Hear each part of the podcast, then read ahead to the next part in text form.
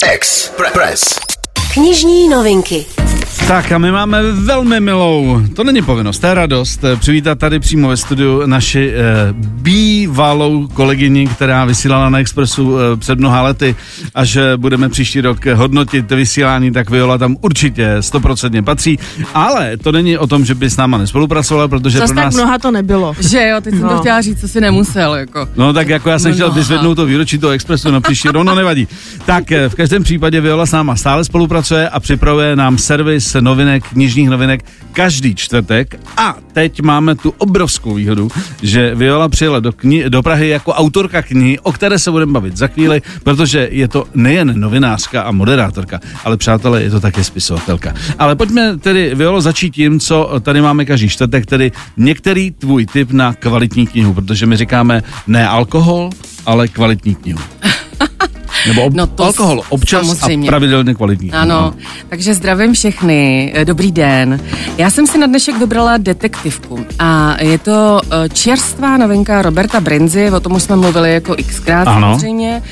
Ten uh, psal jednu sérii o Erice eh, Fostrový, to byla jedna detektivka a teď si vymyslel druhou a tohle to už je třetí kniha teda z téhle série. Hmm.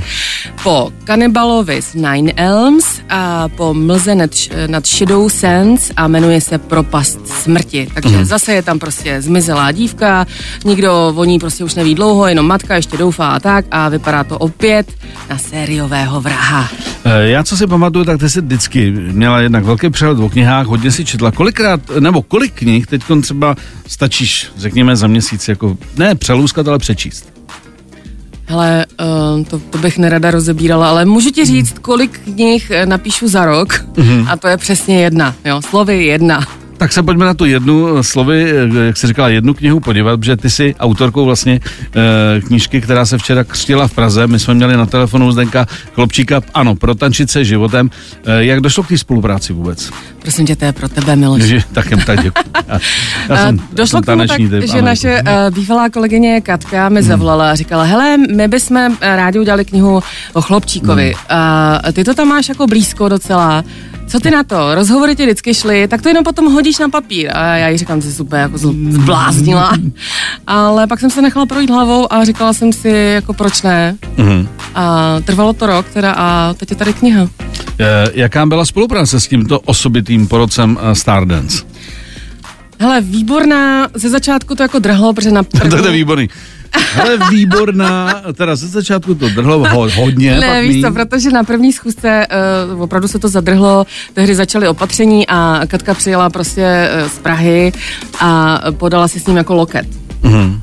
A Zdeněk prostě zamrz, ne, a úplně jako fakt to zhoustlo hrozně ta atmosféra. A on se takhle jako sedl, překřížil ty ruce a říká, no já si nemyslím, že můj život je jako uh, natolik zajímavý, aby se o něm musela psát kniha Hmm. a teď prostě Katka naproti němu se dělá jako ta studentka u maturity a teď prostě vykládá, ne, vy jste taková zajímavá osobnost a teď tančíte a tohleto, a tohleto, takže obě dvě jsme se do něj pustili a nakonec teda rozstál a řekl, že teda jo.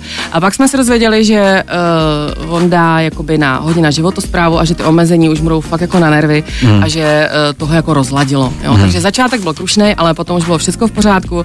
Je hrozně sympatický a nevyhýbá se ničemu. Takže já jakoukoliv otázku jsem mu dala, tak ji prostě zodpověděl. Mhm. Což je pro autora uh, zásadní. Přesně, nikdy neřekl prostě, o tomhle se bavit nebudu, to tam nechci, nebo nikdy. Mhm. Je Tak tam my, všecko. Eh, Konec konců my jsme si s ním před chviličkou povídali, eh, myslím si, že kdo má rád prostředí tance a tak dále, že si to tam najde. Eh, On sám říkal, nebo když jsme, když jsme se o tom povídali, že, že tam jako víceméně nic jako neměl potřebu zatajovat a že, že to je jako otevřený čtení, takže kdo to má rád, tak určitě má tip na dobrou knižku na tento, možná i příští víkendy se Zdenkem Klubčíkem.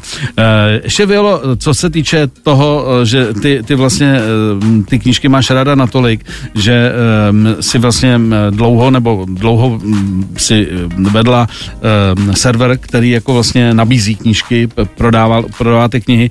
Překvapilo tě někdy, eh, co třeba si lidi kupují za knížky? Si říkáš, tohle bych si třeba v životě nekoupil. Jako, a naopak eh, z tvýho pohledu kvalitní knížky, který ty máš ráda, že třeba nebyly tak komerčně úspěšný? Jo, to samozřejmě bylo víc takových jo. případů, i těchhle těch, i těch opačných, ale pak jsou prostě knihy, které nepřekvapí. Jo, třeba uh, Marek Eben, ten každý měsíc přispívá do jednoho časopisu mm-hmm. a uh, je to takový jako fejeton a teď to vydal jako knihu, teda ne teď, asi prostě před rokem a půl a furt jako to hrozně jede, takže lidi mm-hmm. třeba zrovna Marek Eben to je jistota, lidi ho jako milujou a prodává se to jako furt. Mm-hmm. Tak to je takhle, to je splněný sen prodejce. Můžeme to tak říct. No i autora. I autora, i autora. uh, Violo, moc díky za návštěvu osobní, protože uh, stalo se poprvé, že si dorazil osobně za náma tady do Prahy a jenom doufáme, že to bude častěji a možná, že dojde, možná i dojde na nějakou ještě další spolupráci, což bychom byli rádi. No a příští rok slavíme 20, tak doufám, že si najdeš čas a opět uh, z té dálavy dorazíš sem Ráda. za námi do té obyčejné Prahy. Ráda, těším se. Tak jo, díky moc. Ahoj. Knižní novinky. Knižní novinky i vaše oblíbené autory a osobní odběr zdarma vám přináší online knihkupectví ABZ.cz. Co číst, víte hned. Sponzor pořadu. Express FM.